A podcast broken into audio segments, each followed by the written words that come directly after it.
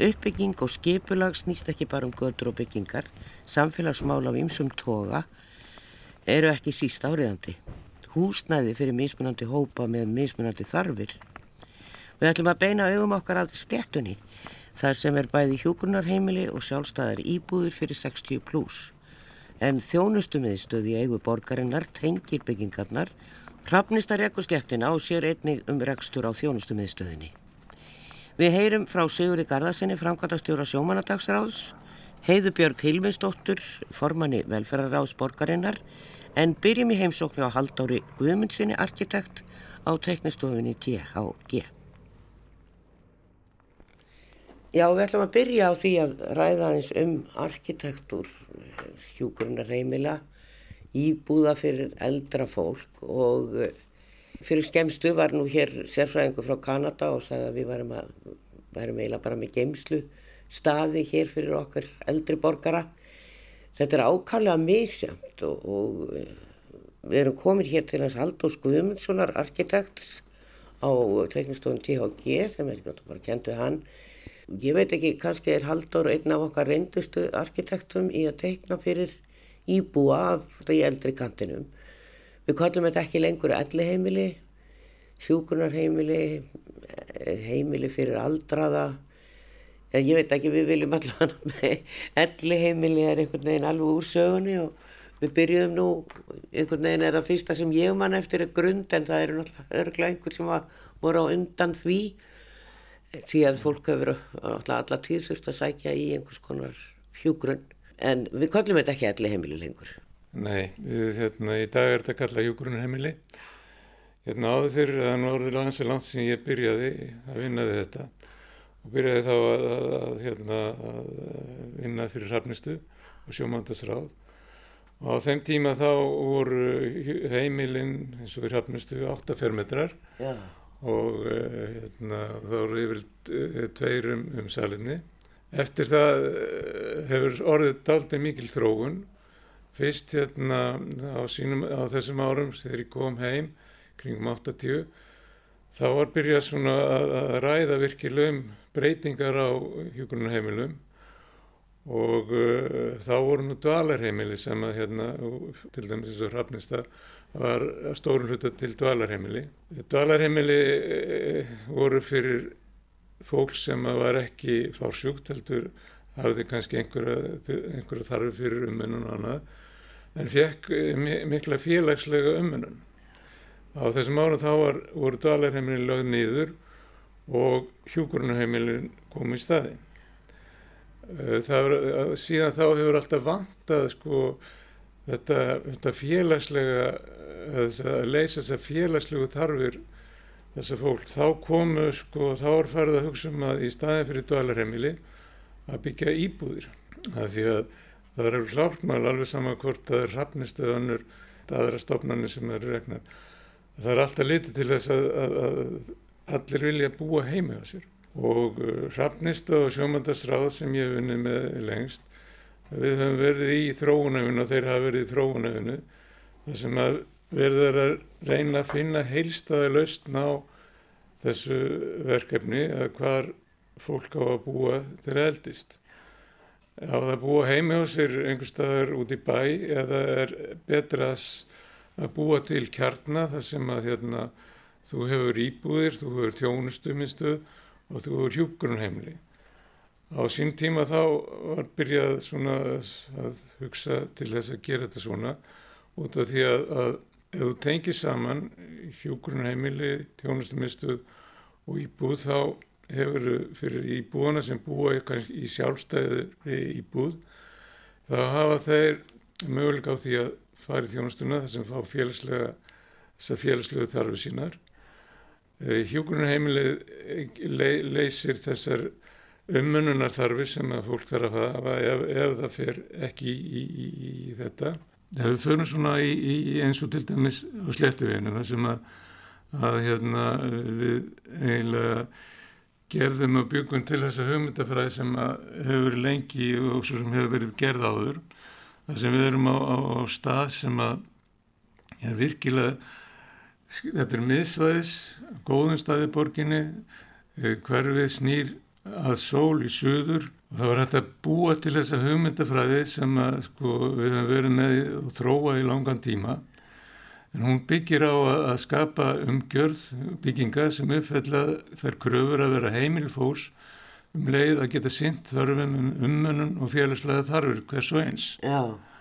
Áskorun arkitektan í þessu tilfelli var að skapa á þessum stað, þessum góða stað, getur maður sagt, bygginga sem uppfyldu þessar óskýr og það er að samina byggingu hjúkurnaheimils fyrir sjúka einstaklinga, þjónustu minnstuðar og íbúabygginga sem byggir á sjálfstæðri íbúasettu eða búsettu þar sem þjónustan kemur til íbúans, tafnins hans hennar á einhverju stíi í staðis að vera fluttur í stopn. Í þessu tilfelli er þjónustumiðstöð miðjað þessu samfélags hérna á sléttu veginum sem tengir saman e, það með félagslega tilbúðum og umönnum þjónustu sé þess þörf. Megin verkefni var að skapa hér tengingu bygginga eða flæði innan hús sem leisti þessi áform hver einn bygging krest mismöndi lausna hvað var það aðkomu þjónustulegir en andliti fyrir hjókunarheimilir er alltaf þjónustumistuðin. Það er aðkoma fyrir hjókunarheimilir, það er aðkoma fyrir þjónustumistuðin sem er, er leysir þessar félagslegu þarfir og það er aðkoma fyrir líka íbúðunar. En íbúðunar eru einni með sér innkomu. Aðgang. Þannig að þú hefur þína íbúð, þessum með þína sjálfstæðu búsettu, þú hefur þjónustumistuðina, þessum getur leita til og, og, og fengið þínar félagslegu þarf leistar, þú ert þar með, með tómstundir, þú ert þar með, getur fengið þar að borða eða þar er, er, er, er sagt matstofa. Þar verður sko líkansrækt sjúkraþjálfun til framtíðar og það er dagvistun líka fyrir þá sem ekki geta verið einir heima. Og dagvistun nýti þá þjónustumistöðuna og síðan tengist þjónustumistöðin hjúgrunar heimilina sem að þeir sem að búa þar geta nýtt þjónustumistöðuna og uh, þar er, er sjúkrið þjálfan sko, sem nýtist í þjónustumistöðinu. Þannig að það er ímyndilegt, þegar þú blandar þessu svona saman þá, þá færð þú auðveldari þjónustu fyrir þá sem að búa í, í, á heimilinu sínum í þessum íbúðum.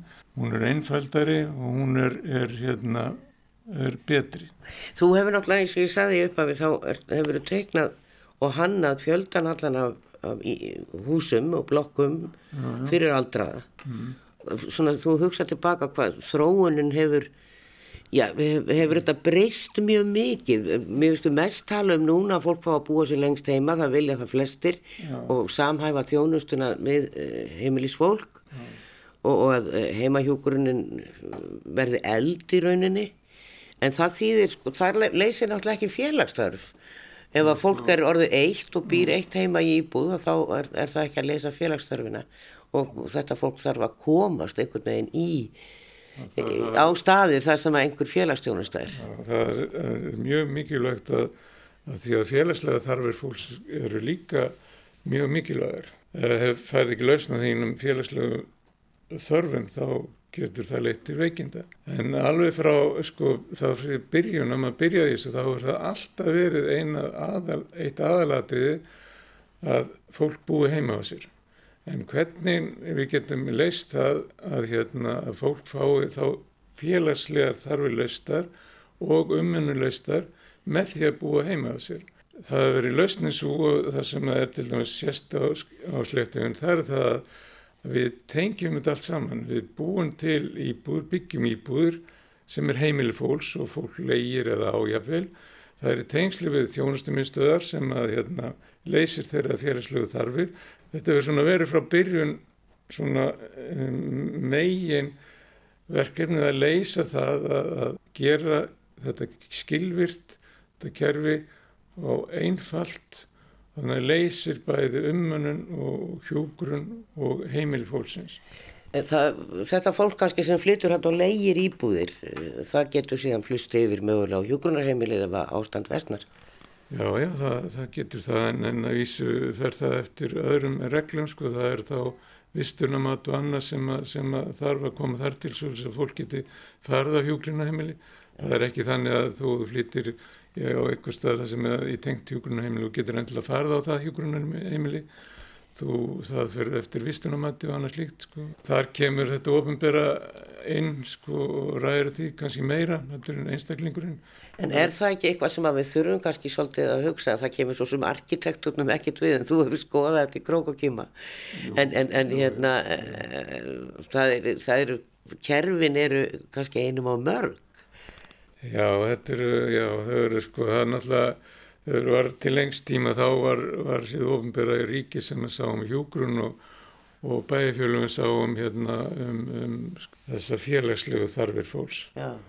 og sem var oft erfitt að samlýta eða koma saman. En svo lýs að ég fari gegnum svona þessa sögu sem að mín, hvað mig var það sko frá því að maður byrjaði að þá voru náttúrulega hjúgrunheimilinn eins og við segir svona hálfgerður genflistafur Það voru yfirlega svona stóra reyningar, þetta voru þrjáttíman einingar sem að, sem að hver eining var fyrir, fyrir á hverju hjókurunarheimili og þær voru uh, svo sett oft uh, á þrjáttímans og hverju hæð. Og það er fyrst í byrjun.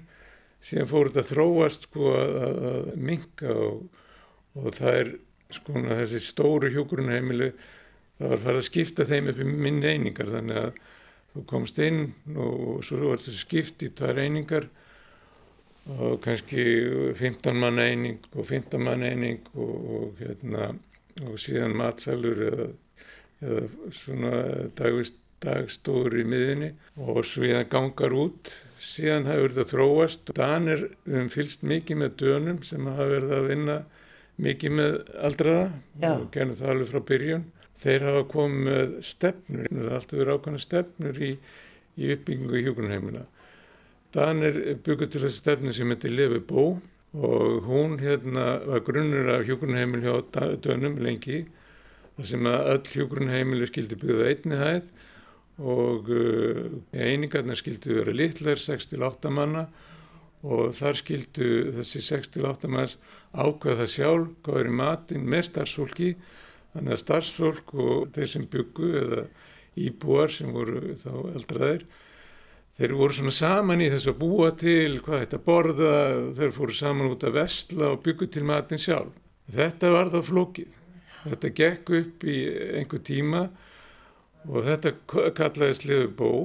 Þetta gekk upp í einhver tíma í Danmörku, svo var það lagt niður, þetta bara gekk ekki upp sko því að, starfsmenn þeir voru eiginlega konum með tvö heimili. Þeir voru með heimili það sem áttu sjálf heima með börnum sínum og svo áttu þeir líka að vera með heimili með öldruðum og lifa eiginlega alveg þess að sama hátt á daginn í sinni vinnu eins og lifa með hérna, fjölkunni sinni.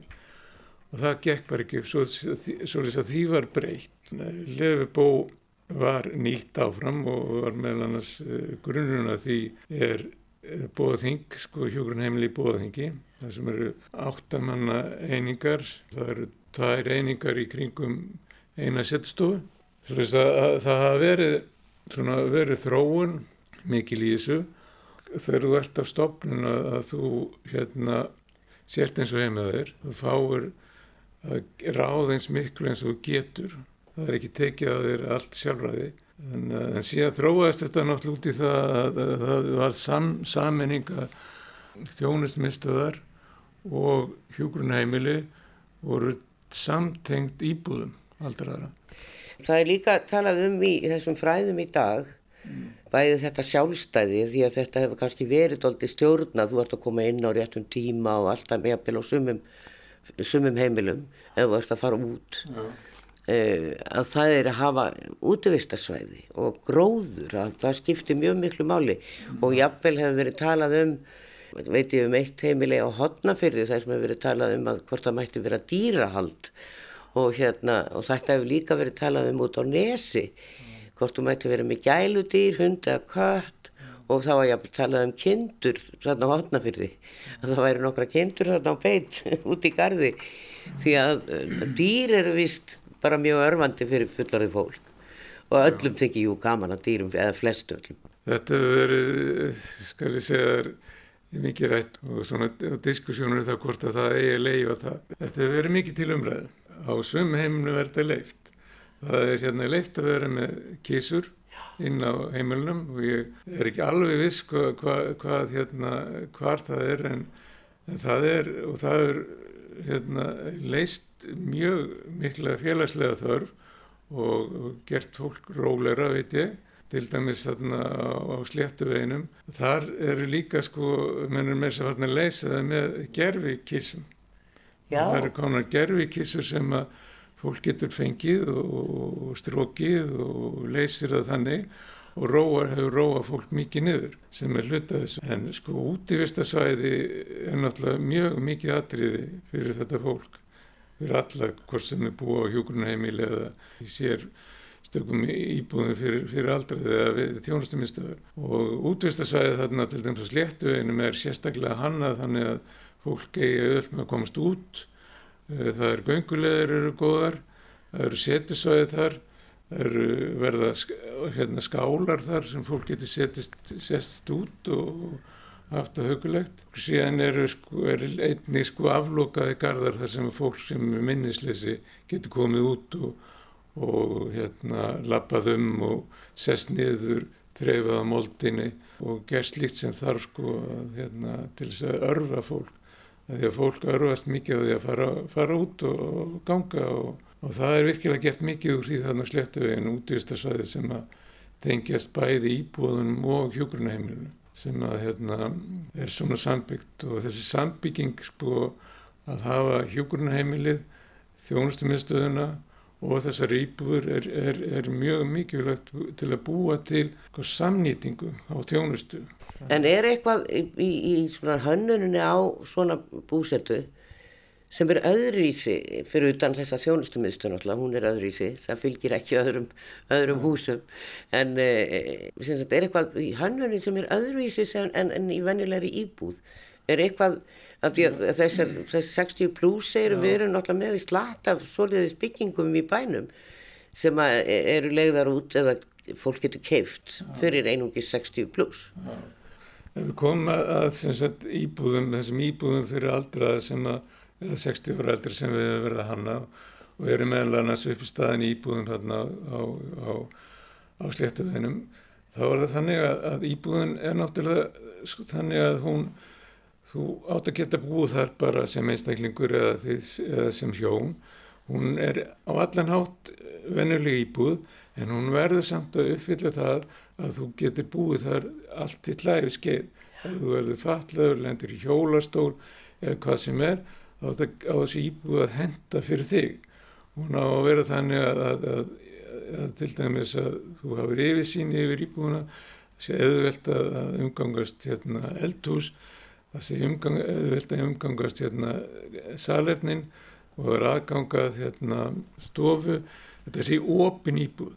Og bara það til dæmis að ef annar einstaklingurinn er sjúkur, þá verður það að vera þannig að sefnherbyggi þeir, þess sem er, aðstandinu sjúkur og hann liggur inn í, í herbyggi segjum bara allan daginn eða heila sólarhing þá, þá hafi hann svona kontakt fram. Þannig að það er alltaf opið millir stofu og herbyggisins það sé alltaf opið fram og sé kontaktur þar fram.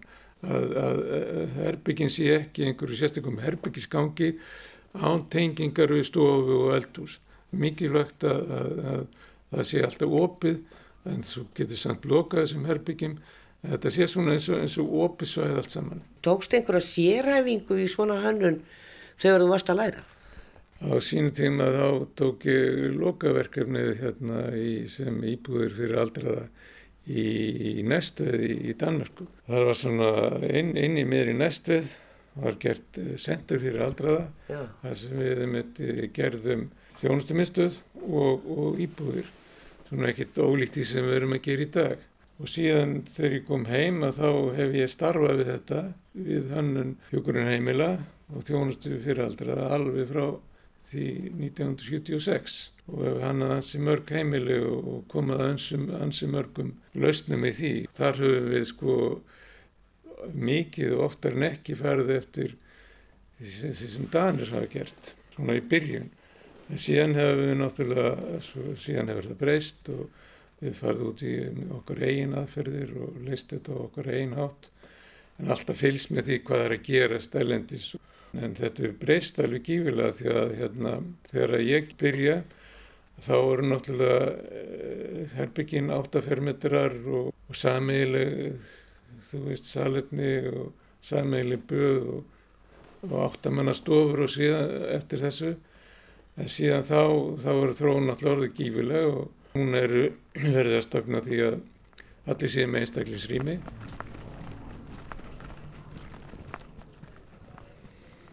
Já, við verðum náttúrulega að skoða lífsgæða blettin, eða hvað erum að kalla lífsgæða, hvað sér? Kjarnan. Við verðum náttúrulega að skoða lí- lífsgæða kjarnan eins og það er kalla hér á sléttunni. Þetta er á sléttuvegi 25, eh, bara eiginlega hérna smá spöl frá útashúsinu og eh, við ætlum að aðeins að tala um þennan búsettu möguleika fyrir fólk 60 pluss. Þetta er bæði hjúgrunarheimili og íbúðir eins og við höfum talað um. Ég sitt hér með Sigri Garðarsinni sem er framkvæmdastjóri sjómanadagsráðs og við sittum hér í matsalnum með lofthæð, alveg indislegu stóri gluggar hérna beint í söður og hér er útivistarsvæði með stólum og borðum og, og hægt að rölda hér um og við horfum reyndar hérna niður eftir á held ég skóavegin e, en þar hinum megin við göttuna á eftir að koma enn einn blokkin sem að verða íbúðir eins og þær sem eru hér. Þetta eru leiguhúsnaði eiginlega, þetta er ekki eignar íbúðir. Þetta eru leigu íbúður Já, aldraðara. já. Þannig að fólk er þá búið að losa sig við sína eign og er kýsa að leia hér. Já, þetta er þess að hérna, hjúgrunarheimili þar sem að fólk býr sem að þarf fulla umönnun á, á erfitt með að sjá um sig sjálft Já, og það fær það fulla umönnun frá hrafnistu sem sinnir þeirri þjónustu við þau og það er eftir eh, reglum eh, ríkisins um það hverja hafa rétt til búsetu þar. Hins vegar eru leigu íbúðuna sem eru 60 hérna við hliðin á. Þar er bara fólk sem hefur áhugaði að búa á eigin vegum og getur séð um sig sjálft. Jável þó að það þurfi stuðning en þá getur það séð um sig sjálft og það leigir íbúðunar á okkur Já. sem að hérna, það greiðir bara mánalegt gjald og innifæli í því er húsnæðið og þjónustan sem því fylgir. já. Er þetta dýra leiguíbúðir? Það er fyrir eftir í hvernig maður á að ráða. Dýrar, þetta eru svona leiguverð frá því að vera rétt undir 200.000 upp á 300.000. Já, Uh, misjant eftir starfið þetta. En innifalið í því meira heldur en bara húsnæðið, það verður að taka mið af því að húsnæðið er, er, er bara hluti af þessu. Þannig að þetta er, það er mikið lagt í öryggi. Öryggiskerfi eru vöktur og viðbrað, við erum með bakvaktir innan með alla sólarhingin sem, sem er þá bara húsvasla, alla sólarhingin. Við erum með eh, hérna, tómstundastarf sem við bjóðum upp á, íbúðum upp á. Við erum með aðgengi að þessari þjónustu sem er hérna í þjónustu miðstöðinni. Það, þannig að það er svona, þetta er mun meira heldur en svona hefðbundir leiguíbúð. Allar innangengar, það er innangengt frá íbúðunum, hingað yfir í þjónustu miðstöðina og þannig að öll þægindi er lagt mikið upp úr þægindum og gæðum.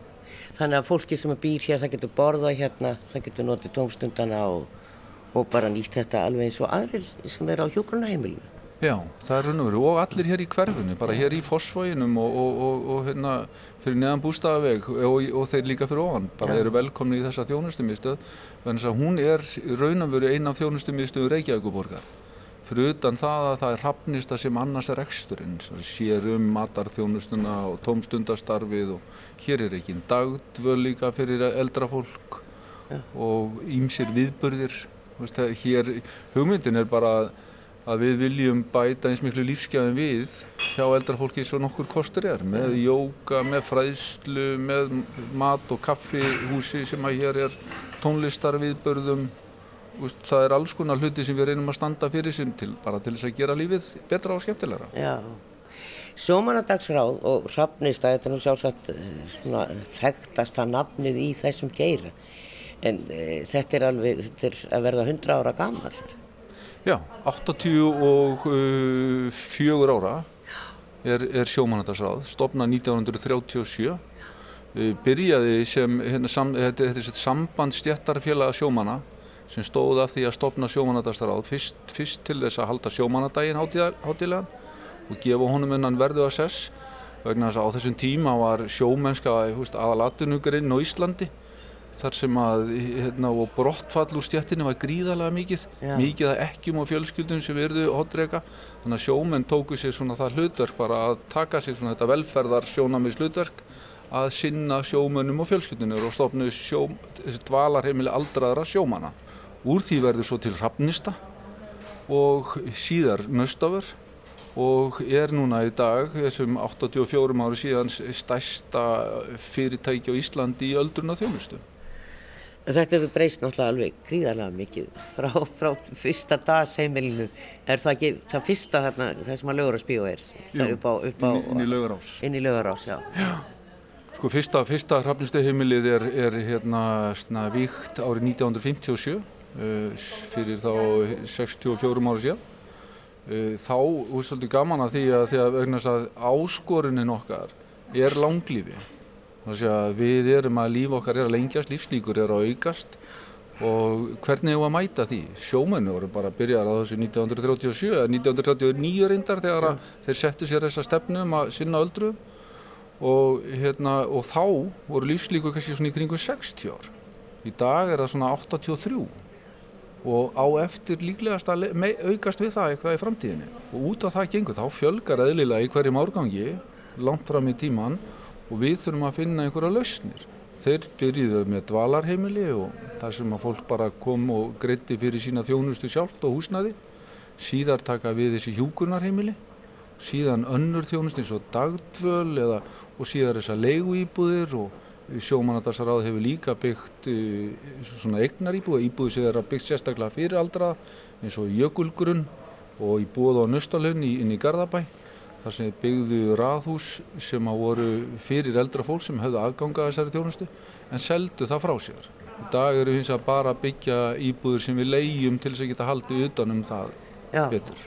Það lítur að vera skilvirkar á einhvern nátt heldur en að fólk sé að búa út í bæ og þurfa svo að koma sér í dagdvölina eða, eða einhverja tómstundir að koma sér á milli. Þetta er bara hér innan gengt þannig að fólk vil fara að spila vist eða taka slagið bridge eða einhverju slíku þá, þá er þetta allt í staðar. Já, þetta er allavega þægilegra. Það þurfum ekki að fara út fyrir dyr til þess að sækja bridge eða jóka eða, eða tónlistaviðbörði eða mat. Já. Þannig að það er allavega þægilegra og sumir er kannski bara erfitt með það Já. að ferðast á milli staða og það er svona partur af því að eldast. En, en, hérna, en þetta er raun og veru bara fyrir alla og hér eru við, þetta félag, að vinna því að, að sinna þessum þörfum. Þetta eru, þetta eru bara þarfir við, sem við erum að sinna. Þarfir ald, aldraðra sérstaklega. Er einhver fyrirmynd af, af, af þessum stað? Sko, fyrsti staðurinn sem sjómanandarstáð gerir þetta á er, er hérna raunvangur í Hafnafjörði. Þar var hjúgrunahemili byggt árið 1977, síðar bættist við þessar egnar íbúður í bóð og nöstalhaun árið 1984 og síðan 2002 byggjaður 64 leigu íbúður viðbóð. Þannig að þar verður til í raun og verið fyrsta myndin af svona lífsgæða kjarnar. Það sem, fór, það sem við reynum að samnýta, hjúkurnaheimi, leiguýbúðir og, og, hérna, og þessar starfsemi og þjónustu alla saman. Og reyna að samnýta það og samrega þetta sem er eitt batteri til þess að greiða aðgengi fólks að og auka þjón, hækka þjónustu stíð. Já. Það vefur síðan utan sig og sjómanadagsarráð fer í, í bóðaþingi í samstarfi við Kópavók þar sem var byggt e, þjónustumiðstöð og hjúkunarheimili á vegum Kópavóðsbæður og Ríkisins en þar byggðu við leiguýbúður og þar er svona sambarilegt hérna svona sambarileg hugmyndafræði. Og svo má segja að í laugarás er þetta orðið til líka að þar er, hérna er við með leiguýbúður þjónustu inn í gömlu hrafnustu og þessa hérna og, og hjúkunarheimilið allt á sama staðnum. Sko, það er alltaf gaman að þetta eru leigu íbúðir því að hér hefur alltaf verið stefnan á Íslandi að fólk eigi að eignast sitt húsnæði og það eigi að búi í eigin húsnæði og leigumarkaður nú, hefur nú bara aldrei verið til hér fyrir kannski undanfærin ár sem að fólk er fara að hugsa öðru í sig en eh, það er greinlegt að þegar fólk er komið á þennan aldur og á kannski stóra íbúð eða jafnvel umbilshús eða rathús að þá kýrst það bara að selja og flytja í leiguhúsnæði Það er svona bara e- einn af þessu kostum. Það er, það er góður kostur að búa í leiðuböðu svona þá þarf þú ekki að hafa neinar áhyggjur. Þú þarf ekki að sækja húsfundi, þú þarf ekki að borga í viðhaldssjóð, þú þarf ekki að hugsa um hérna, ræsting og samhegninni, þú þarf ekki að hugsa um lóðina og bílastæði. Þetta er allt saman verið hendur, þú borgar bara inn að fjárað og fyrir, þetta er allt saman innifalið í því. Þannig að hérna hugtaki leiga hefur lengi á Ís, verið á Íslandi svona frekar svona fjarlægt hugtaki þú varst að segja. En þetta er bara sjálfsagður kostur fyrir alla og sérstaklega fyrir þá sem eru lengi búin að vera eitthvað eigi húsnæði hættir að, að nenna eða geta að fara upp í stiga til þess að mála eða skipta um berur eða, Eða hugsa um gardin. eða hugsa um gardin eða reyta arfa og þessa hluti þannig að þetta, er- er- eru svolítið þægindi meira líka Já.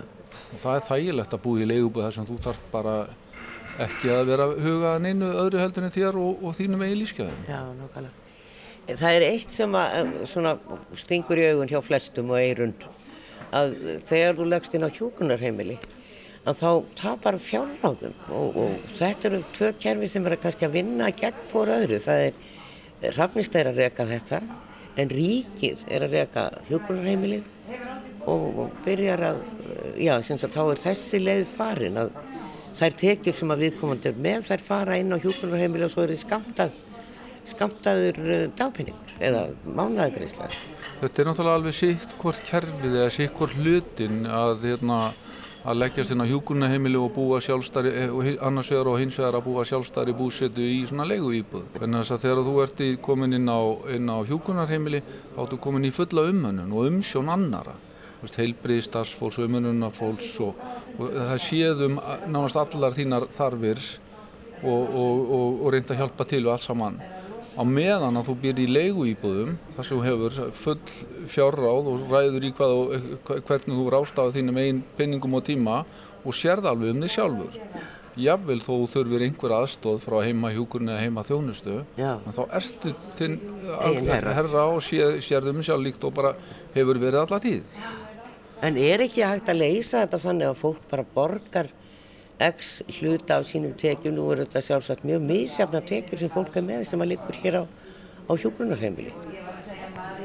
Hjúkunarheimili er, það, það er mikil þjónusta innifalinn í hjúkunarheimili sem leiðir til þess að það er, það er dýst að reka svona en e, það, það er eins og hérna, það, ríkið greiðir allan kostnað þeirra sem búa á hjúkunarheimili og, og ríkið og alþingi hefur valið það að hafa það þannig að það skulle vera tekjutengt þannig að ef þú hefur lífeyri þá borgar hlut af honum til til vistarðinnar á hjúkurnaheimili og það er bara va, va, hluti sem ríki, ríki hefur valið. Auðvitað er það kostin en þá þarf líka bara að breyta lögum og, og, og, og það er hluti sem hefur, eru oft til umræðu hvort það Já. komið til greina. Já, þetta er svona, manni finnst þetta svona svolítið niðurandi þegar fólk er komið á, á þennan aldur og það hafi ekki fjárráð lengur af því að það býr á hjúgrunarheimili.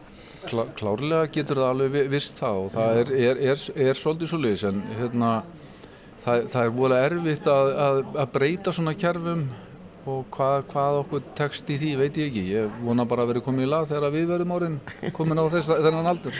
Og flytjum á sléttuna. Já, fléttum að sléttina. Já, já, það er nefnilega. En e, fólki lífi vel hér og það er eftirsótt að búa, að búa hérna og, íbúðurnar. Já, er mikil reyfing.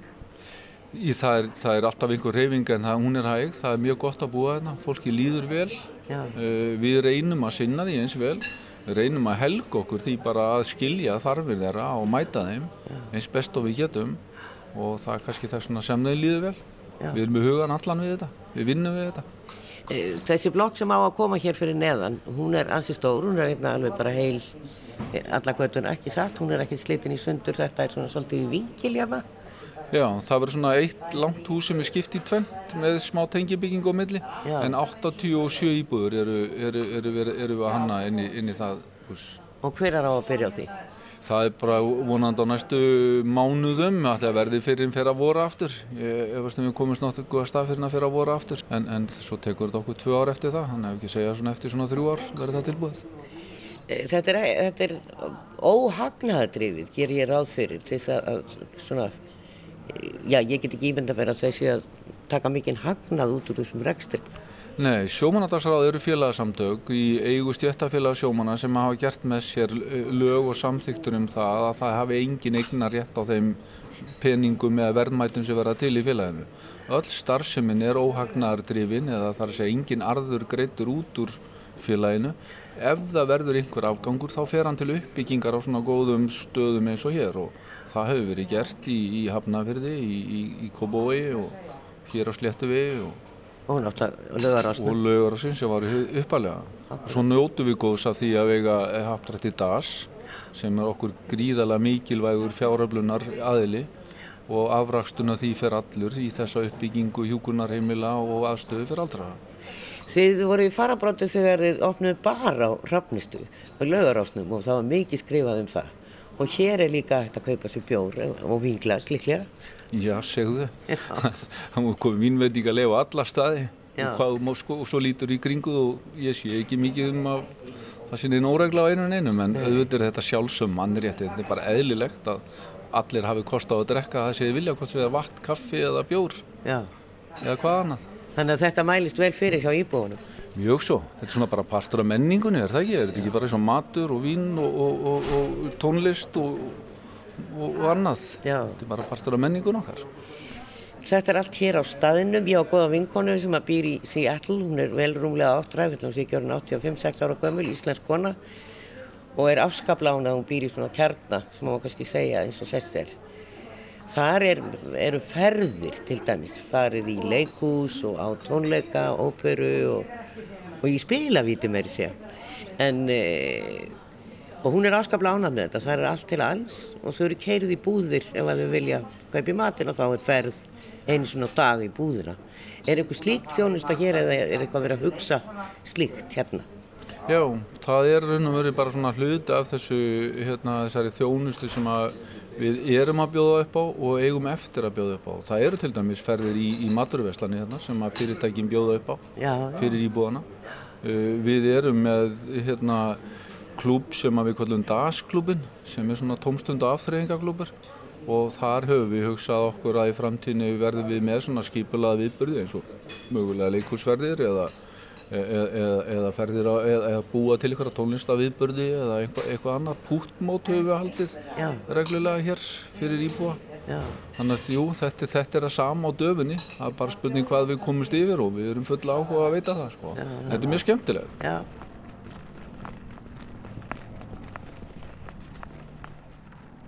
Já hverji ráða nú það eh, eru peningavaldið og peningavaldið er hjá ríkinu og það er líka hjá borginni.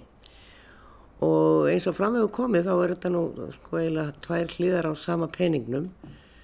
Eh, þú er kannski í húsnæðis úrraði hjá borginni og síðan er ef þú þarfst að fara á hjókunarheimili þá ertu komin í úrraði sem að ríkið sérum þannig að þetta getur verið snúið þarna sent á æfinni ef að fólk veikist og þarf að komast á hjókunarheimili.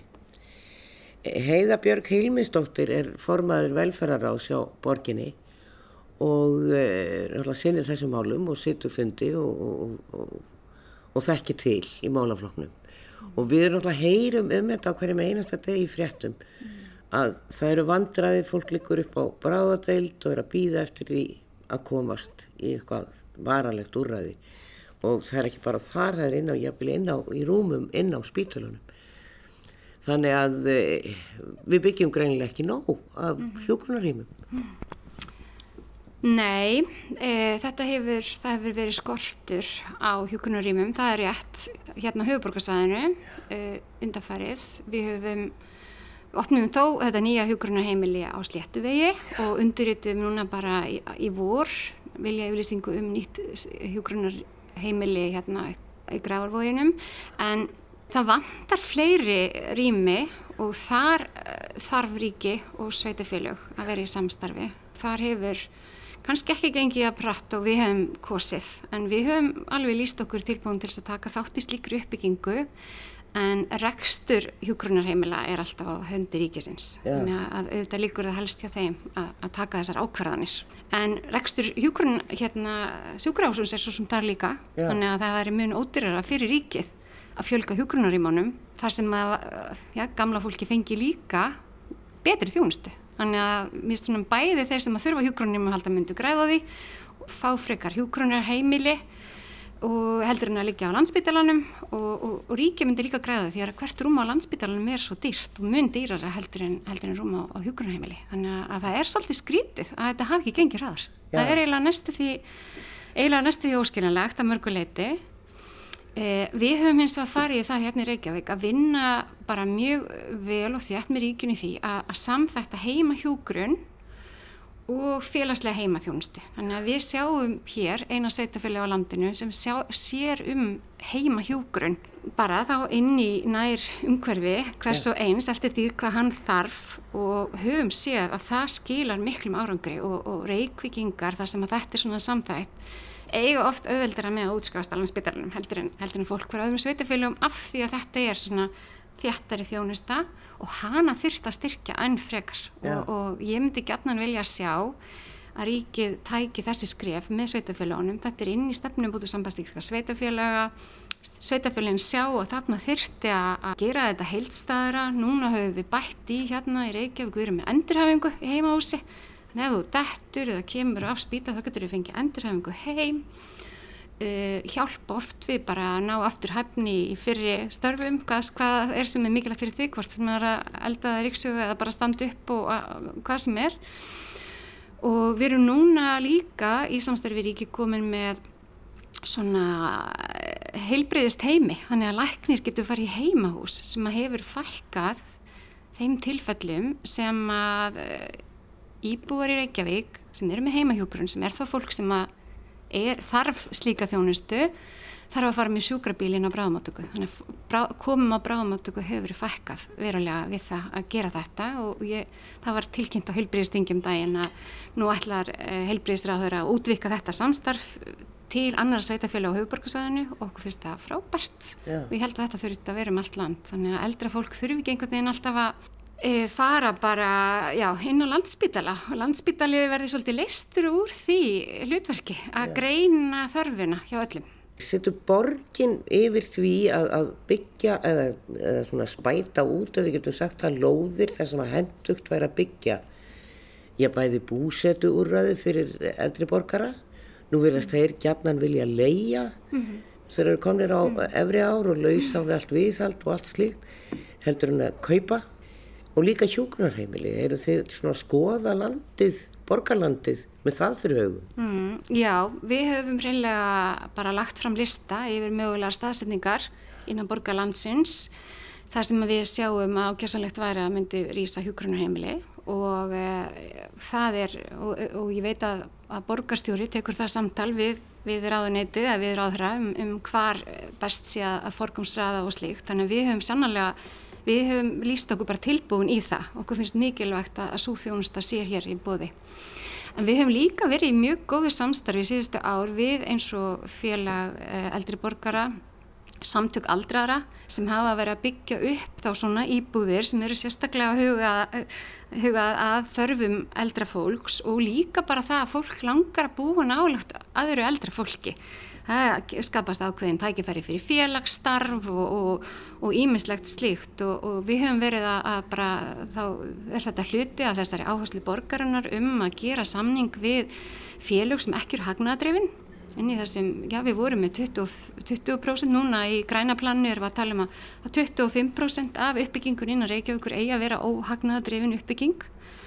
Og við höfum bara séð að þetta er, þannig er að rýsa mjög skemmtilega hverfi og hús og, og hérna, ég held að þetta eigi eftir að koma meira sterkar inn og, og ég hef líka bara sem fór með velferðars fengið tíminn skemmtileg erindi þar sem að fólk dreymir um að kaupa saman jörð á kjalanessi og búa þar nokkur eldri borgara með einhverjar kindur og, og spurja svona getur við fengið þjónustu þangað? Ef að þjónustu þörfur nokkað breyttist það var eitthvað í fréttum um einhverju nokkur, mann ekki hvort það voru 50-60 ára konu sem ætlaði að byggja sér þarna einhvers konar sambíli í Vesturbænum. Baba Yaga. Já, alls konar svona skemmtilagt þannig ég held að við þurfum kannski líka svolítið að hýfa okkur upp úr þessu svona hefðbundna þjónustu formi sem við höfum alltaf verið með. En ekki það, í Reykjavík eru 365 þjónustu íbúður fyrir eldriborgara þar sem við útlutum til þeirra sem þurfa aukna þjónustu Uh, og þær eru mjög vel settar og, og sóttar og, og það eru umsóknir um þær. En þær hafa svona annað nokkuð vel eftir spurninni en við erum líka með þjónustýbúður í samstarfi við eir og fleiri og, og þar eru líka öryggisýbúður þannig það er þarna ákveðin trappugangur og ég held að það sé bara mjög, mjög jákvægt sko.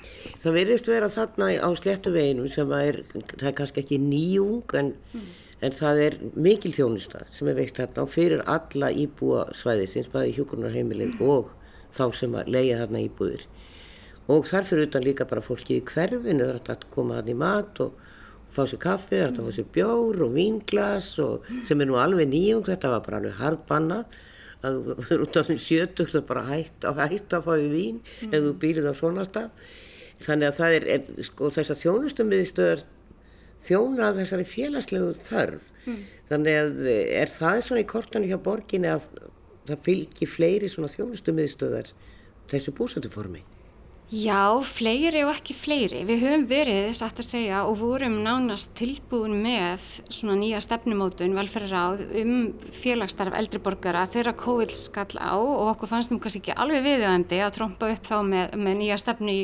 félagsstarfi þegar allt lág svona soldi niðri. En við nýttum samt COVID og höfum verið að brytta upp á alls konar nýjungum á, á þessum COVID tíma. Við höfum fengið fullt af skemmtilegu ungu fólki sem hefur komið inn með margar hugmyndir og við erum með félagsstarf á 17 stöðum og sléttu viðurinn er einn af þeim. Þú hafnist að vissulega reykja fyrir Reykjavíkuborg, það stendur Reykjavíkuborg ströym af þeim kostnaði, félagsstarfi þar. Og ég held að það sé ótrúlega mikilvægt en það sem við höfum verið að horfa svolítið á er samt hvernig getur við kannski opnað oft það félagstarf fyrir fleiri hópa. Þannig að e, þó að við viljum oft vera í námynda við fólk sem er á sama aldri og við og við viljum að þessi dagskra sem er svona hendar okkur og, og slikt þá viljum við oft líka bara hitta fólk á öðrum aldri og, og, og það er oft fólk sem er heima kannski í fæðingurólu við nú er heilmikið af fólki sem er ekki í vinnu Nú setni partana vil kannski fólk heitast í einhvers konar félagskap, íbúafundir, um, segjum á klubbar, hvaða getur verið. Hvað langar svolítið að glæða þessar félagsmyndstöðar sem við eigum fyrir fullorðið fólk, semst við erum öll fullorðið eldra en 18 ára, glæða það ræðis mér að lífi og opnar kannski að gefa Reykjavík, sko, aðeins betri líkil og, og vittneski um þannig að það sé ekki bara þegar þú ert orðin alveg eldri borgari og, og, og vantar eitthvað að gera að þú vitir að þið. Við höfum verið að í svona tilunarverkefnum, við höfum verið með verkefni sem eru tengt svona skólaforðun, ef að börn eru ekki að mæti í skóla, þá er þeim stundum búið upp og mæta þarna og þá oft með eldra fólki sem tekur þeim fagnandi og ég hef séð alveg dásanlega verkefni þar sem að þetta bara passar mjög vel saman. Svona að við séum svolítið að blanda kynnslóðinu meira og þess að við séum að, að hérna, skemma þann skemmtilega brag sem verður af því að við erum nú alltaf, okkur er að fjölga, eldri borgurum er að fjölga og mér finnst mörg tækifæri því og við býðum pínu eftir svona býtlakynnslöðinni og, og svona meira stöði og, og svona pöngi í þessar félagsmyndstöðar þannig ég auðvitað svolítið eftir því sko. En það er eitt sem hefur alltaf trublað mjög á marga aðra og það er náttúrulega, þetta eru tvö kerfi eins og ég sagði upp af því þetta er borgin mm. kemur að þjónustumiðstöðunum og, og, og sinnir þeim íbúðum sem eru í, í sjálfstæðu húsnæði mm. en svo þurfum legstinn á hjókunarheimili þá missir þú fjárráðin og það er, mm. það er ríkið sem að, eh, hefur svo umræða komið upp á milli borgar og ríkis að falla frá þessu og þannig að þetta er, þetta er svo niðrandi finnst mér Já, akkurat. Þetta hefur verið til umræðu árum saman og það var nú ákveð að fara í eitthvað tilunarverkefni hjá ríkinu Hilbriðstæðanindi ákvað það fyrir nokkrum árum.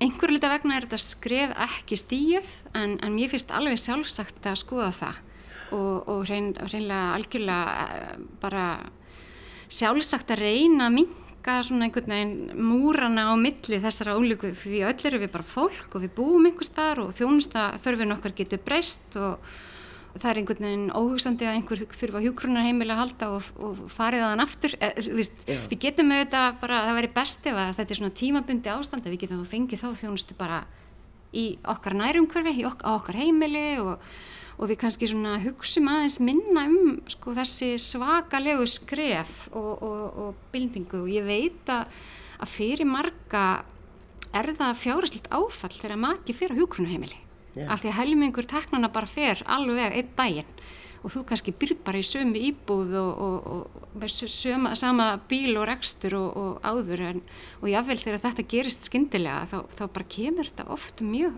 harkalega niður á, á maka sem er jáfnveil í áfalli yfir því að, ástfinnur er, er núna komin í þá stöðu að, að þurfa að vera hjókurinn heimili. Þannig að mér finnst við þurfa líka aðeins að skoða það þarf í það minnst að vera þarna sveianleiki Svo held ég líka að e, fólk komi til með að vilja ráða meir um sig og sitt líf, Já. líka inn á hjókrunaheimilum, velja meira sjálft. En ég veit að áhyggjur þeirra sem hafa reiki hjókrunaheimilin eru þá að fólk borgi ekki matinn eða borgi ekki lifin eða borgi ekki leiguna eða En öll erum við nú borgunamenn fyrir því sem við erum að gera og flest stöndu við nú bara í skilum með allt sko. Ég held að fólk á hjókrunaheimili myndi nú gera það líka. Þetta er, sko, þetta er eins og ég segi, þetta, er vandamál, það þarf náttúrulega að reka þessi hjúkunarheimili.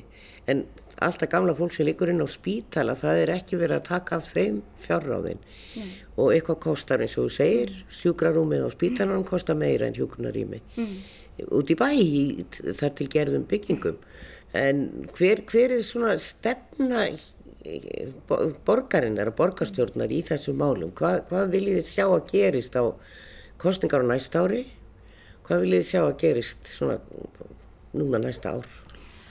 Okkur finnst mjög mikilvægt að það verði til einhvers konar, að það verði auðveldara aðgengi. Við vorum að samþykja hérna velferðastefnu í vor sem gengur svolítið út af það að, það að við bjóðum meira upp á okkur, upplýsingar, þjónustu og séum til staðar og með því trúum við því að við mingum þjónustu þörf.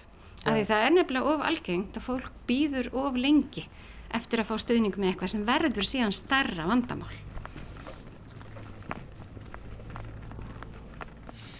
Það er ímislegt sem þarf að laga en sumt er nú einhvern veginn þannig að það ætti að vera hægt að kipa því í liðin eins og það að taka fjárráð af fólki þegar það leggst inn á hjúgrunarheimili. En látum þetta döði bíli, verði sæl.